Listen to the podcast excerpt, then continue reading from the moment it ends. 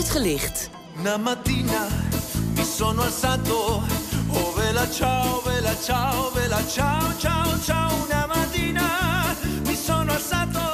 Ja, de liefhebbers herkennen dit natuurlijk meteen. De bekende song van de razend populaire Netflix-serie Casa de Papel. Acteur Roberto Garcia Ruiz, beter bekend als Oslo uit de serie, bracht onlangs een bezoek aan een school in Marokko. Maar daar was niet iedereen in het Noord-Afrikaanse land blij mee. Vanuit Marokko correspondent Samira Jadir. Ehm, Samira, vertel eens even, wat ging Ruiz doen op die school daar? Uh, um, Garcia Ruiz heeft samen met een uh, groep Marokkaanse artiesten een bezoek gebracht. En uh, dit hebben ze gedaan in het kader van het filmfestival. En ze wilden de leerlingen iets bijbrengen over de voordelen van het uitoefenen van een creatief beroep.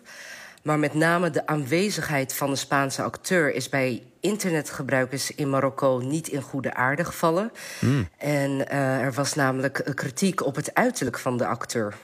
Ah, waarom? Uh, wat was er mis met zijn uiterlijk? Nou, um, op foto's van het bezoek die rondgaan op uh, sociale media is te zien dat hij de scholieren toespreekt in een korte broek. Um, en hij heeft ook flink wat tatoeages. Uh, die duidelijk te zien zijn. En sommige Marokkanen nemen hier dus aanstoot aan. Mm. Nou, uiterlijk vertoon is hier in Marokko best belangrijk. Uh, dus ze vonden het niet kunnen dat hij als het ware in zijn vakantieoutfit de school bezo heeft bezocht. Uh, gaat het alleen om uiterlijk, denk je, of zit er meer achter? Nou, um, eigenlijk uh, illustreert dit meer een moeizame ontwikkeling die er gaande is in het Marokkaanse onderwijs.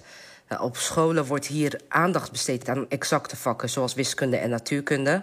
En aan het leren van de verschillende talen die er hier in Marokko worden gesproken. Um, maar de overheid en de privéscholen hier willen leerlingen steeds meer stimuleren om ook voor creatieve vakken te kiezen.